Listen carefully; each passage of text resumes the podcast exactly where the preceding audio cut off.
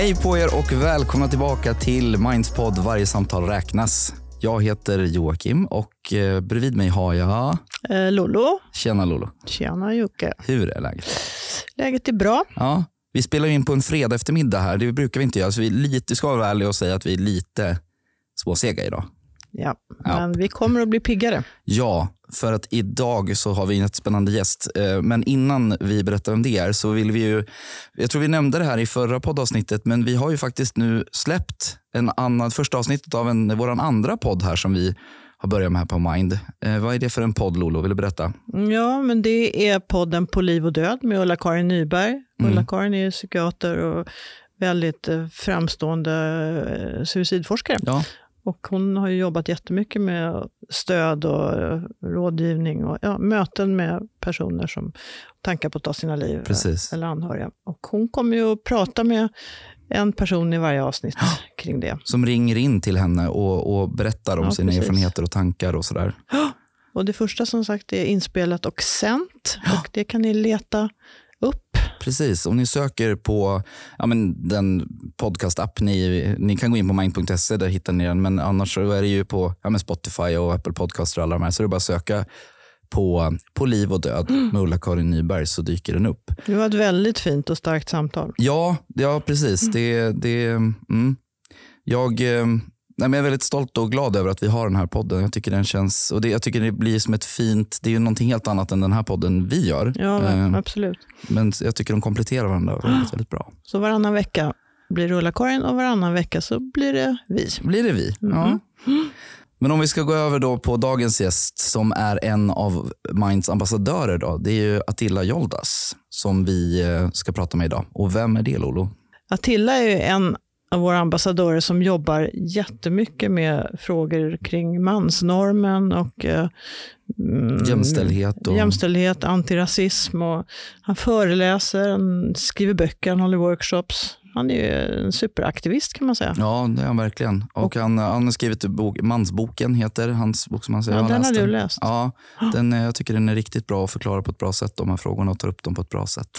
Ja, jag tycker det är så häftigt med honom för han är ändå hyfsat ung. Och Mm. han, eh, ändå, men han är hyfsat ung och har verkligen jobbat stenhårt med de här frågorna under väldigt lång tid. Jag tror att ja, tio år någonting sånt där tror jag han har hållit på.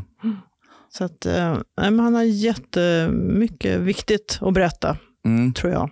precis, och jag tycker att vi dyker in i samtalet med honom på en gång. Japp.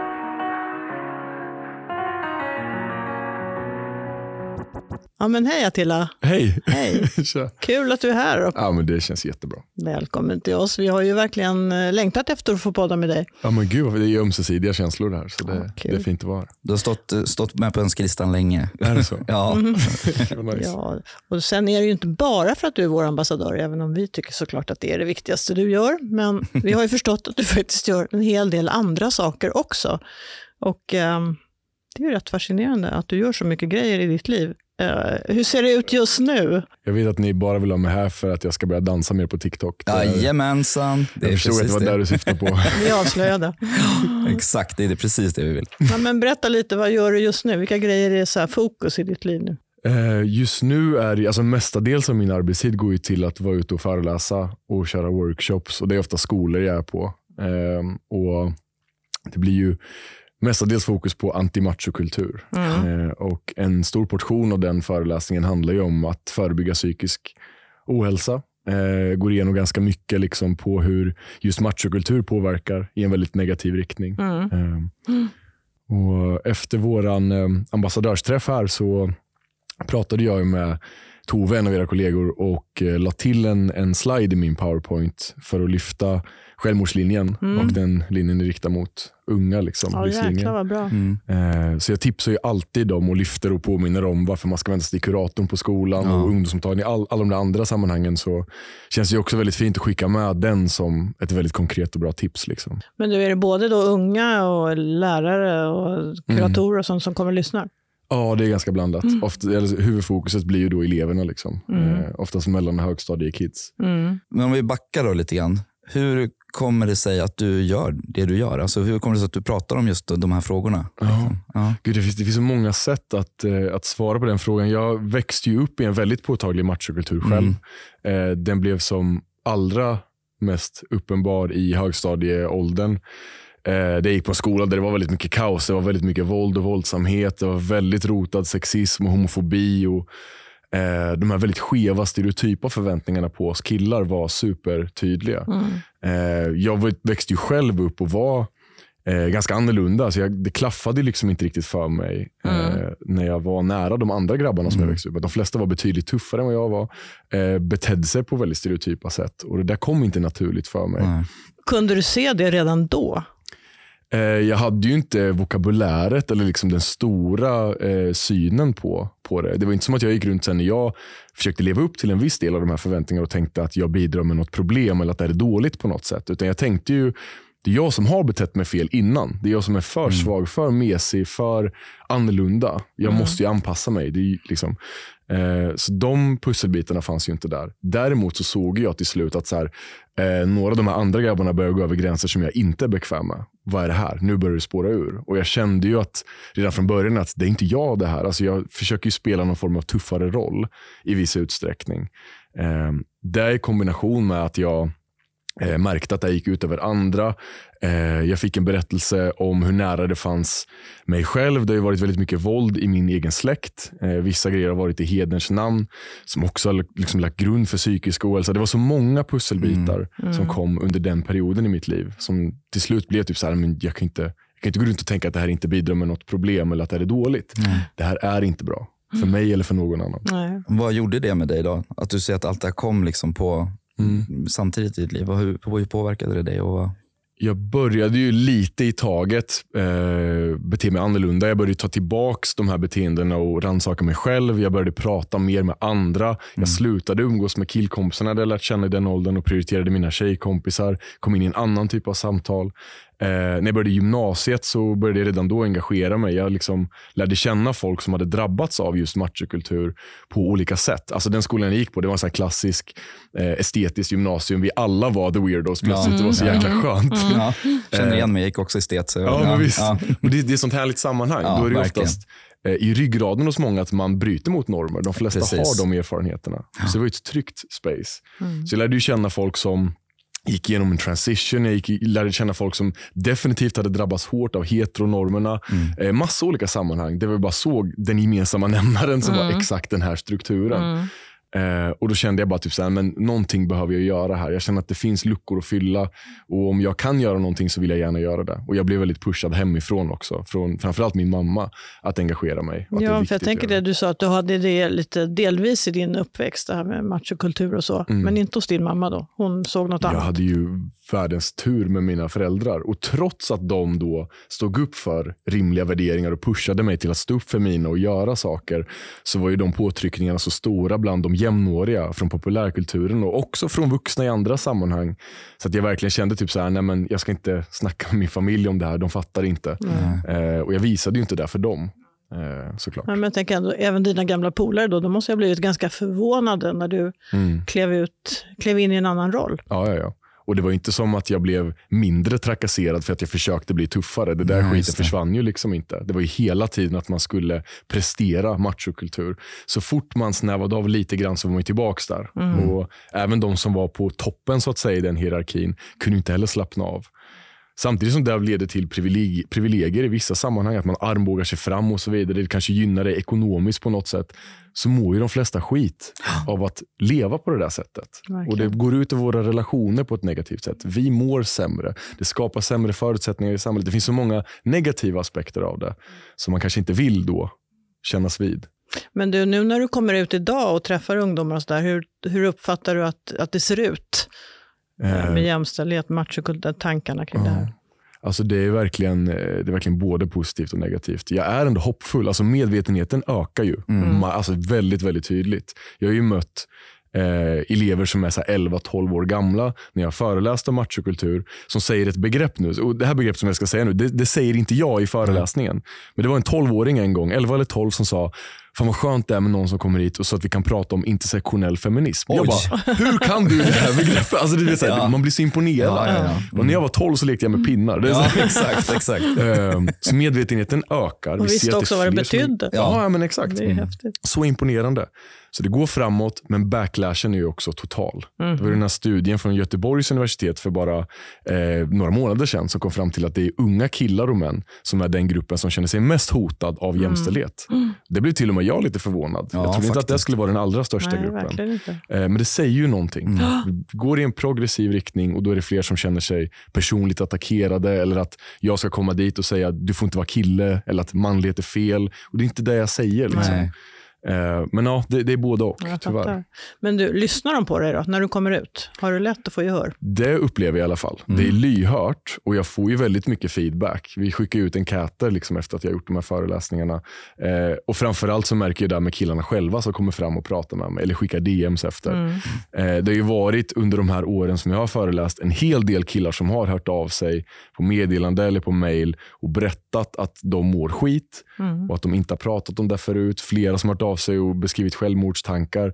De här grejerna har blivit jättetydliga sen jag började komma ut och möta dem. Mm. Även de grabbarna som jag då märker av, de här är de tuffa grabbarna Ja, ja, på den här ja. skolan, Mm. som kanske brölar lite innan eller i början av min föreläsning. Mm. De brukar generellt också sitta och lyssna och vara lyhörda. Det är som att det är någon upplevd tröskel in i de här samtalen. Som inte behöver vara där. För när vi väl sitter face to face så brukar vi hitta common ground. Vi Mm. brukar förstå varandra Mm. och vi brukar hitta lite vägar framåt. Även de som jag känner igen mig själv i. Mm. Som jag känner igen de tuffaste grabbarna som jag skulle efterleva lite när jag växte upp. Liksom. Använder du det då i föreläsningen? Ja, jag är Att väldigt du personlig. refererar mycket till dig själv och det Ja. du var med om. Exakt. Ja, för det är väl tricket för att skapa just den där Ja, identifikationen. jag, jag, det hade varit svårt om jag bara rabblar fakta. Liksom. Jag är väldigt personlig och jag delar med mig av de erfarenheterna just för att de ska förstå att vi kommer från samma plats. Mm. Alltså, ja, vi kan ju relatera till varandra för de vet exakt vad det handlar om. Majoriteten har ju vuxit upp med stereotypa normer. De flesta av oss har de erfarenheterna. De vet precis vad det handlar om.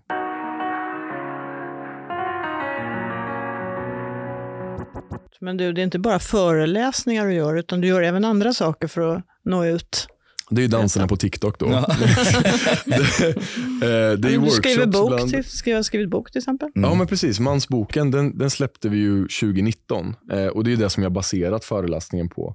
Så den innehåller ju ännu mer råd och verktyg. Jag har ju liksom sammanfattat väldigt mycket forskning och fakta och studier på ett väldigt lättillgängligt sätt i den. Jag kan verkligen folk. ja, men liksom rekommendera, jag har, jag har läst den, jag tycker den är jättebra. Eh, och jag, blir, jag, vet, jag kommer ihåg att jag skickade till dig någon gång, jag såg den på något bibliotek och jag bara kolla, Just på bibblan. Så jag blev så glad att se att den fanns där. Liksom. Jag tycker att det är, äh, den är jättebra, så att ni som lyssnar, om ni inte har läst den så tycker jag verkligen att ni ska göra det. Jag tycker det ja, men som du säger, på ett väldigt pedagogiskt och liksom lätt, vad säger man, lättmottagligt sätt. Tack ja. Joakim. Och, Ja. det, och det var ju verkligen förhoppningen att Ja. man ska kunna lägga den i en, framförallt en ung killes knä. Det Precis. väl drömmen. Liksom. Och att man ska kunna ta till sig vart man än slår upp den. Eh, så tack, det är fint att höra.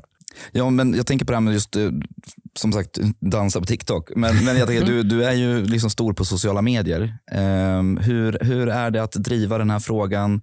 Jag menar, vi vet ju, jag vet ju också som är väldigt aktiv och har varit väldigt aktiv på sociala medier, att man, det är väldigt lätt för folk att vara elaka och skriva saker. där. Hur, hur, och jag vet ju att du har ju en hel del sånt som du får stå ut med. Liksom. Eller hur, hur, hur ser du på det, liksom, att, att driva den här frågan och, på sociala medier? Eh, det går ju, Mm. men jag upplever det precis som du. Det är väldigt mycket uppförsbacke. Det är Ja. svårare. Eh, jag, jag upplever att det, det är mycket, mycket lättare för mig att ha de här samtalen face to face med, face, to face med en tonårskille än att skriva i, ett, i en chatt eller bara lägga ut inlägg och försöka nå fram. Det går ju också och det är flera som reagerar på det med Mm. på ett positivt sätt. Men det är också väldigt mycket reaktioner. Det är väldigt mycket motstånd. Det, blir, det spinner ju ur kontroll. Man Ja. vet inte vart det hamnar heller. Eh, jag har ju varit med också om eh, sådana liksom shitshows och stormar. Och, Eh, under de här vad blir det, tio åren som jag har snackat offentligt om de här sakerna. Eh, det är tyvärr en del av det. Ja. Det går liksom Ja, det inte att det. ducka. Ja. Så fort Mm. saker börjar spridas så kommer man ganska fort i kontakt med de som blir riktigt arga Mm. och upplever det här som ett hot mot dem som killar och män och för samhället i stort. Det blir så bisarrt. Mm. eh, när vi snackar om jämlikhet. Liksom. Alltså det, men, eh, ja, men jag försöker knega på där också. Liksom. Mm. Och hitta verktyg, hitta en balans, försöka ändra ton, hitta sätt att nå fram på, på något vis som funkar. Ja. Liksom, där Ja, men jag tänker dina följare då, är det lika mycket killar och tjejer? Nej, eller? absolut inte. Det är, det är många fler, mycket större andel kvinnor Ja. eh, enligt statistiken man kan se som följer. Så jag tänker, det kanske är sättet också att nå fram, även till killarna, via tjejerna.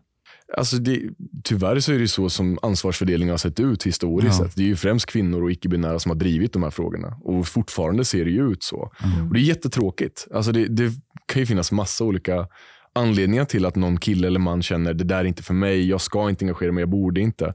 Eh, och Det är en helt separat diskussion. Mm. Faktum är att det är väldigt få som gör det. Och, och, och Det är trist, för vi behövs ju i den rörelsen. Vi, det är ju för vår skull också, det är för allas skull Verkligen. som vi ska engagera oss. Men eh, ja, de som motsätter sig blir väldigt många och det behöver ju vara teamwork. Jag tänker, kan tjejerna så här, höra av sig till dig då? Så här, jag har sådana problem med min snubbe. Han beter sig så här och så här. Har, vad ska jag göra? Kan du Ja, få sådana alltså, frågor?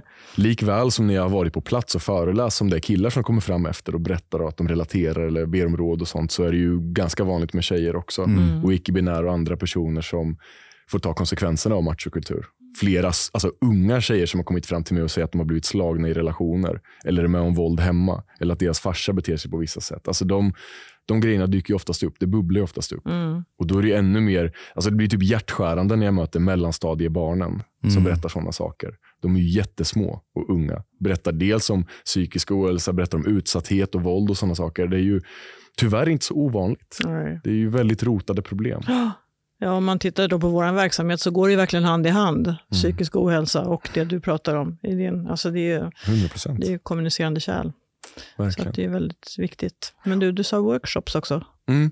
Och då, då blir det ju oftast, det har, inte varit, det har varit några sammanhang där det har varit separatistiskt, där det bara blivit jag och killar som har gjort de workshopsen. Och det är jätteintressant, för då eh, tvingar jag dem mer eller mindre att göra övningar för att främja sårbarhet och samtal kring sådana saker. Säg en övning. Eh, en av övningarna som jag brukar göra är ju en variant av eh, organisationen Män har, gjort, eh, har liksom myntat Lilla rummet. Jag har suttit i styrelsen hos dem och fått göra de här övningarna med dem.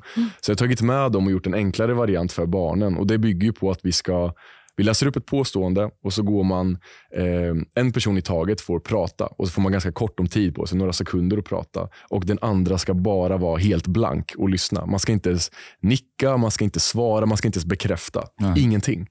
Eh, och Sen är det nästa persons tur och så är det tvärtom. Då. Och det kan vara väldigt personliga påståenden, det kan vara väldigt mörka grejer som vi pratar om. Mm. Och Tanken då är att träna på att eh, våga börja öppna upp sig om vad man tänker till att börja med. Sen kanske man kan gå över till vad man känner. Och Den andra ska inte döma eller bedöma på något sätt. Och Vissa upplever det som att det hjälper till att komma in i samtal. Och så är det kort så att de ska vilja prata vidare om det sen senare. Eh, men den funkar ganska bra. De Mm. brukar göra de grejerna. Eh, och Då pratar vi om så här, hur reagerar jag på våld? Hur reagerar när andra går över gränser? Hur hanterar jag mitt mående? Ska man alltid bita ihop? Och sådana saker. Mm. Det är jätteintressant att Ja, lyssna när de börjar dela med sig. Hur gamla är de då ungefär, de du pratar med? Det har varit väldigt blandat. Det har Mm. varit mellan högstadiekids. Eh, jag har gjort liknande grejer med vuxna också liksom i andra sammanhang. Ja, men det är det jag tänker också. Det måste ju finnas en jäkla efterfrågan i, i, även i vuxna kontexter efter Mm. den här typen av samtal. Definitivt. Jag har ju varit en hel del i eh, byggbranschen och den Mm. typen av industrier Precis. genom fackförbund eller via företagen själva. Eh, det har också varit jätteintressant. Där ser man ju, där mäter de ju till och med machokultur. Det finns ju eh, ett så kallat machoindex som man använder sig av i den branschen. Eh, och så mäter man olika faktorer. Att man aldrig ska vara sjuk, man ska aldrig vara hemma för Nej. man är mes. Mm. Du ska ta risker på arbetsplatsen för annars är du en mes. Du ska, här, Du ska inte vabba så mycket. Men exakt, du ska fälla homofoba och sexistiska kommentarer. Och så mäter de hur förekommande det är genom enkäter och undersökningar på arbetsplatserna. Det är skitintressant. Då ser man att det tyvärr är jättevanligt. Ja, det är väl det. Ja. Som sagt, det kanske inte är helt, det är inte, inte helt åldersoberoende. Nej, definitivt inte. Men du, jag tänker nu, du själv då, privat, umgås du nu bara med killar som är lika upplysta och pålästa och intresserade av sådana här frågor som du? Eh, de, de vännerna jag som, som står närmst mig, vi, jag skulle säga att vi har eh, att våra värderingar definitivt rimmar med varandra. Och Sen har vi lite olika åsikter om saker och ting och det är bara intressant. Men Mm. hjärtat är ju på samma plats. Liksom. Eh, alla de personerna som jag umgås med. Är, jag skulle nog inte fixa att umgås med någon som inte har samma värderingar. Alltså det skulle vara för störigt. Eh, Mm. beroende på också vilken grad vi snackar. Mm. Liksom. Men absolut, vi har ju pratat mycket om de här sakerna tillsammans. De flesta jag umgås med nu har jag ju känt i mer än tio år. Vi har gått igenom en hel del. Ja, och jag för mig att, om jag inte minns helt fel, att du delade det här på sociala, sociala medier. Att just, var det inte så att ni jag menar att ni så här aktivt också bestämde för att ni ska börja säga att ni älskar varandra. Så Ja, typ, just det. du- du-. Ja, Det var alltså- ju snarare jag som tvingade Ja, det var du som, ja, exakt. Du jag läste, det? det var eh, Hampus Nessvolds bok Ta Ja. som en man. Så stod det typ så här, en, en väldigt konkret uppmaning. Våga säga jag älskar dig till din killkompis Ja. utan att lägga till bro eller skämta till det. jag bara, "Men ryggen." fan jag ska göra det där. Eh, och så bestämde jag mig på, för att göra det på ett ganska skumt sätt. Så jag stängde in dem i ett rum och, så, och filmade med min telefon när jag skulle säga jag älskar dig till dem för första gången. Ja. Till några av dem hade jag ju sagt det fast skämtat bort det. Ja. Jag hade aldrig sagt det på allvar. Nej. Och så gjorde jag det och filmade och klippte ihop det. Det blev jätteintressant. Vissa blev jättestela, andra blev fnittriga. Det blev så här, men vi sa det ju och sen Ja. så har vi mötts i det. Och det gjorde ju en stark effekt. Ba, alltså tre små enkla ord. Så många har en erfarenhet av att, så här, eh, om vi ska vara stereotypa, om vi säger heteronormer och allt det där. Ja. Många fler har erfarenheter av att en mamma har sagt jag älskar dig till dem. Vissa har en erfarenhet av att pappa aldrig har sagt de orden. Det beror ju också på exakt de här sakerna. Att det skulle vara för omanligt, för mycket känslor, inte för mycket kramar och närhet, inte för mycket sådana känslor. Jag vill ju motverka det med. Mm. Det Fick ju- du dina kompisar då säga också jag Ja, de- älskar dig tillbaka? De sa det tillbaka. Utan att skratta? Den ena sa ju detsamma först. sen, Easy way out, vi liksom. om, om det. Liksom. Ja. Eh, Men ja, nu nu är det inga konstigheter. Nu säger vi det till varandra. Det är liksom inga... Men det var ju en tröskel. Jag tyckte också att det var obekvämt att säga det först. För jag hade inte gjort det. Jag hade gått runt och tänkt, jag behöver inte säga orden, jag visar i handling istället. Exakt, det blir ja. det lite mer Mm. manliga sättet att göra det. Det är väl så många pappor resonerar också kanske. Ja. Mm. Eh, Att man ska hålla tillbaks. Man tänker de fattar ändå. Ändå kallat mina kompisar Terminator flera gånger. De borde fatta det. Exakt. Så Andra tankar kring det bara. Eh, Men du, jag tänker då i, i relation, nu vet inte om du är i relation just nu, men är du den perfekta pojkvännen då? Eh, jag är single and ready to mingle. ja, men det ska vi lägga ut. Eh, nej, det är klart att jag inte är en perfekt pojkvän. Jag är inte en perfekt människa. Det är ju ingen som är det. Men jag tänker, är Eh, det lätt att leva som man lär eller trillar man också i fällor ibland? jag, tror, jag, jag trillar i fällor. Jag tror de flesta kommer göra det. Det ingår ju liksom i, vi är alla människor. Ja. Mm. Eh, jag, precis som de flesta andra, har ju vuxit upp med väldigt stereotypa normer och vissa grejer märker man ju sitter i ryggmärgen. Och jag, det jag försöker göra för att ta ansvar för det är att vara uppmärksam på det. Och Råkar jag säga någonting stereotypt eller bete mig stereotypt eller till och med går in åt machohållet så vill ju jag hållas ansvarig för det och jag vill ju hålla mig själv ansvarig för det. Eh, det är ju samtal som jag har när jag är i en relation liksom också. Jag vill ju checka in och förstå. Är det någonting som du märker av som jag kanske inte har tänkt på eh, med andra ögon? Liksom? Det är ju jättevärdefullt för mig. Jag vill ju inte vara så. Eh, och Då är det ju mitt slutliga ansvar såklart att inte hamna där. Men härligt med den där insikten och kunskapen. Alltså det ger ju så mycket mer såklart Mm. i en relation när man kan ha det så. Absolut.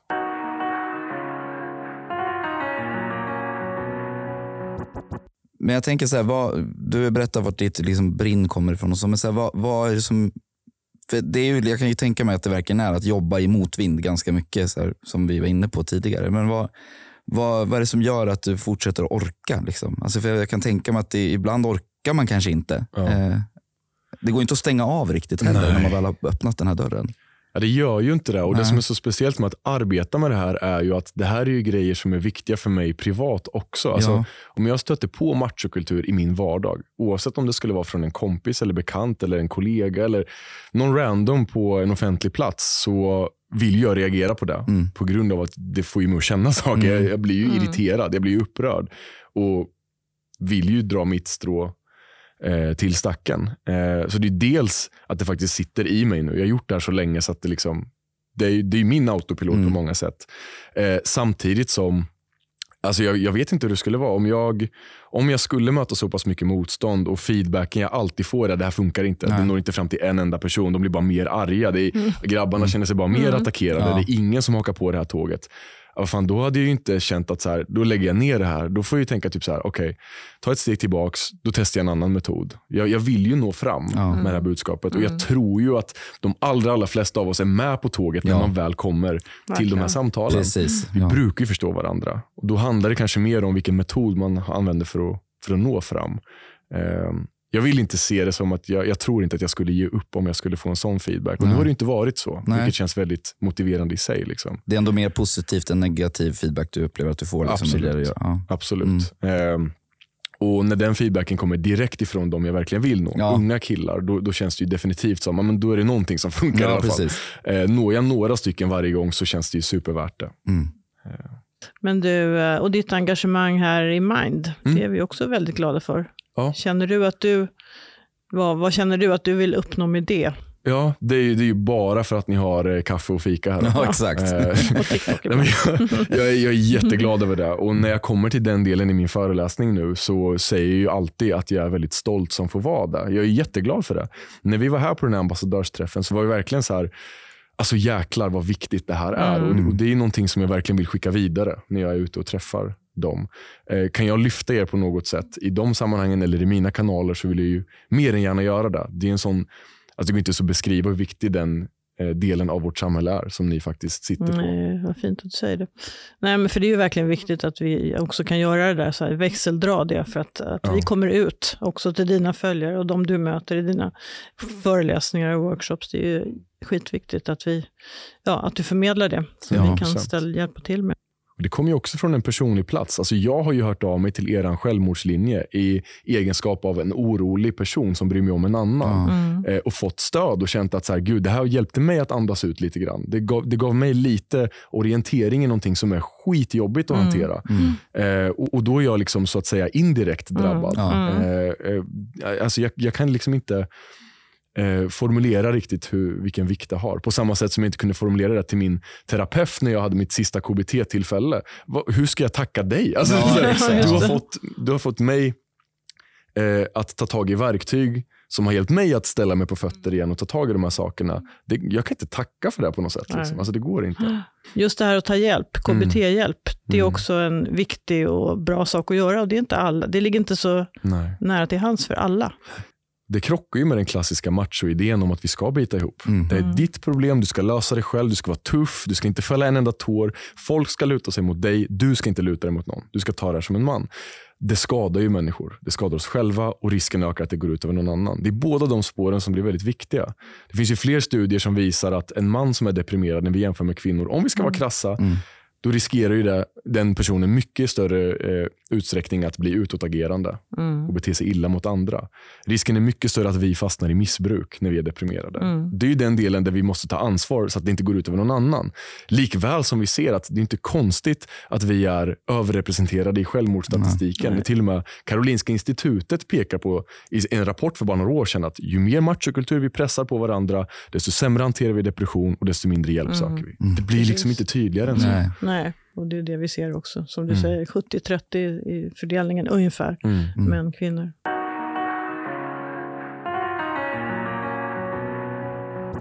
Okej, du har ju massa saker, massa bollar i luften nu. Vad, är, vad ser du framåt? Hur ska du fortsätta jobba effektivt med de här sakerna? Uh, gud vilken bra fråga. Jag, jag kommer ju fortsätta köra föreläsningar. Nu tycker jag att det känns jättefint. Jag börjar komma in i det ordentligt. Eh, nu har jag några bokprojekt på gång igen som jag prokrastinerat i flera år. eh, som är på samma tema som jag ska slutföra liksom, och förhoppningsvis få ut så snart som möjligt. Där målgruppen istället blir vuxenvärlden. Ja, mansboken är ju framförallt riktad mer till unga. Så den ska vara lite mer verktygsbaserad och samlad forskning på samma sätt fast mot personal som jobbar med barn och ungdomar eller Mm. föräldrar och liksom Mm. andra sammanhang. Ja, snyggt. Men, det är, men det är föreläsningarna som är liksom fokus just nu. Mm, Det Mm. måste det, det tänker jag. Föreläsningar och ambassadörskapet, Ja, ambassadörskap. såklart. Ja. Såklart. Ja, nej men vi måste ju ta avrunda här nu tyvärr. Skulle ju vilja sitta och prata med dig här hela dagen. Så himla mysigt. Men eh, stort tack för att du ville komma och gästa och stort tack för det du gör för oss och, att du gör det, och det du gör för samhället och världen. Det är liksom, vi är Verkligen. väldigt, väldigt stolta över att få jobba tillsammans med dig. Att du hänger med oss. Fan vad gulliga ni är. Och alltså verkligen right back at you. Ni gör ett enormt viktigt jobb. Och jag är bara glad att få vara med och kroka arm.